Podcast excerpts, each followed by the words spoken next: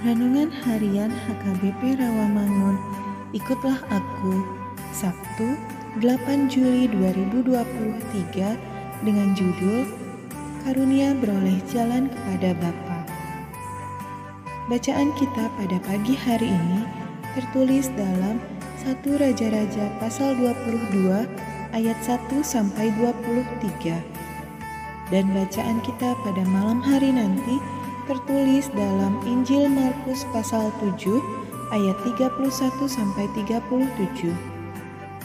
Dan kebenaran firman Tuhan yang menjadi ayat renungan kita pada pagi hari ini tertulis dalam Injil Yohanes pasal 6 ayat 65 yang berbunyi Lalu ia berkata, Sebab itu telah kukatakan kepadamu, tidak ada seorang pun dapat datang kepadaku kalau Bapa tidak mengaruniakannya kepadanya. Demikian firman Tuhan. Sahabat, ikutlah aku yang dikasihi Tuhan Yesus. Para penulis Injil acap mengetengahkan berbagai tipologi sebagaimana Yesus sendiri menjelaskan dan mempersonifikasikan dirinya. Di depan teks ini, Yesus berkata kepada murid-muridnya, Akulah roti hidup, barang siapa datang kepadaku, ia tidak akan lapar lagi, dan barang siapa percaya kepadaku, ia tidak akan haus lagi. Barang siapa makan dagingku dan minum darahku, ia tinggal di dalam aku dan aku di dalam dia.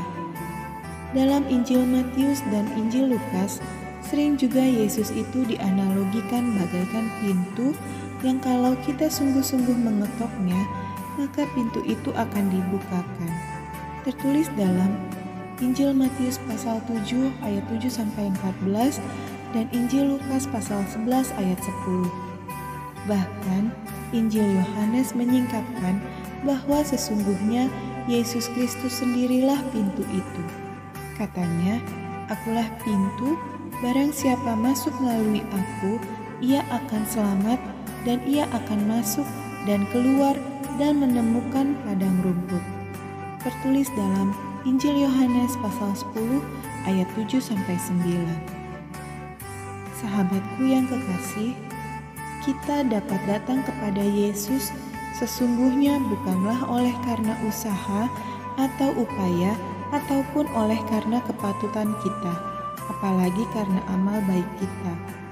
Tidak ada sama sekali, kecuali karena hal itu dikaruniakan kepada kita. Kata Yesus, Akulah jalan dan kebenaran dan hidup. Tidak ada seorang pun yang datang kepada Bapa kalau tidak melalui aku. Tertulis dalam Injil Yohanes pasal 14 ayat 6. Sungguh sebuah karunia besar melalui dan di dalam Yesus, roti hidup, pintu kehidupan, satu-satunya jalan yang benar, kita telah beroleh jalan keselamatan kepada Bapa. Hanya satu dan satu-satunya jalan keselamatan sekaligus keselamatan itu sendiri. Terpujilah Yesus Kristus. Amin. Mari kita berdoa. Ya Yesus, Engkaulah roti hidup bagiku, karuniakanlah jalan bagiku ya Tuhan, pintu untuk menerima kasih karunia dan belas kasihan-Mu. Amin.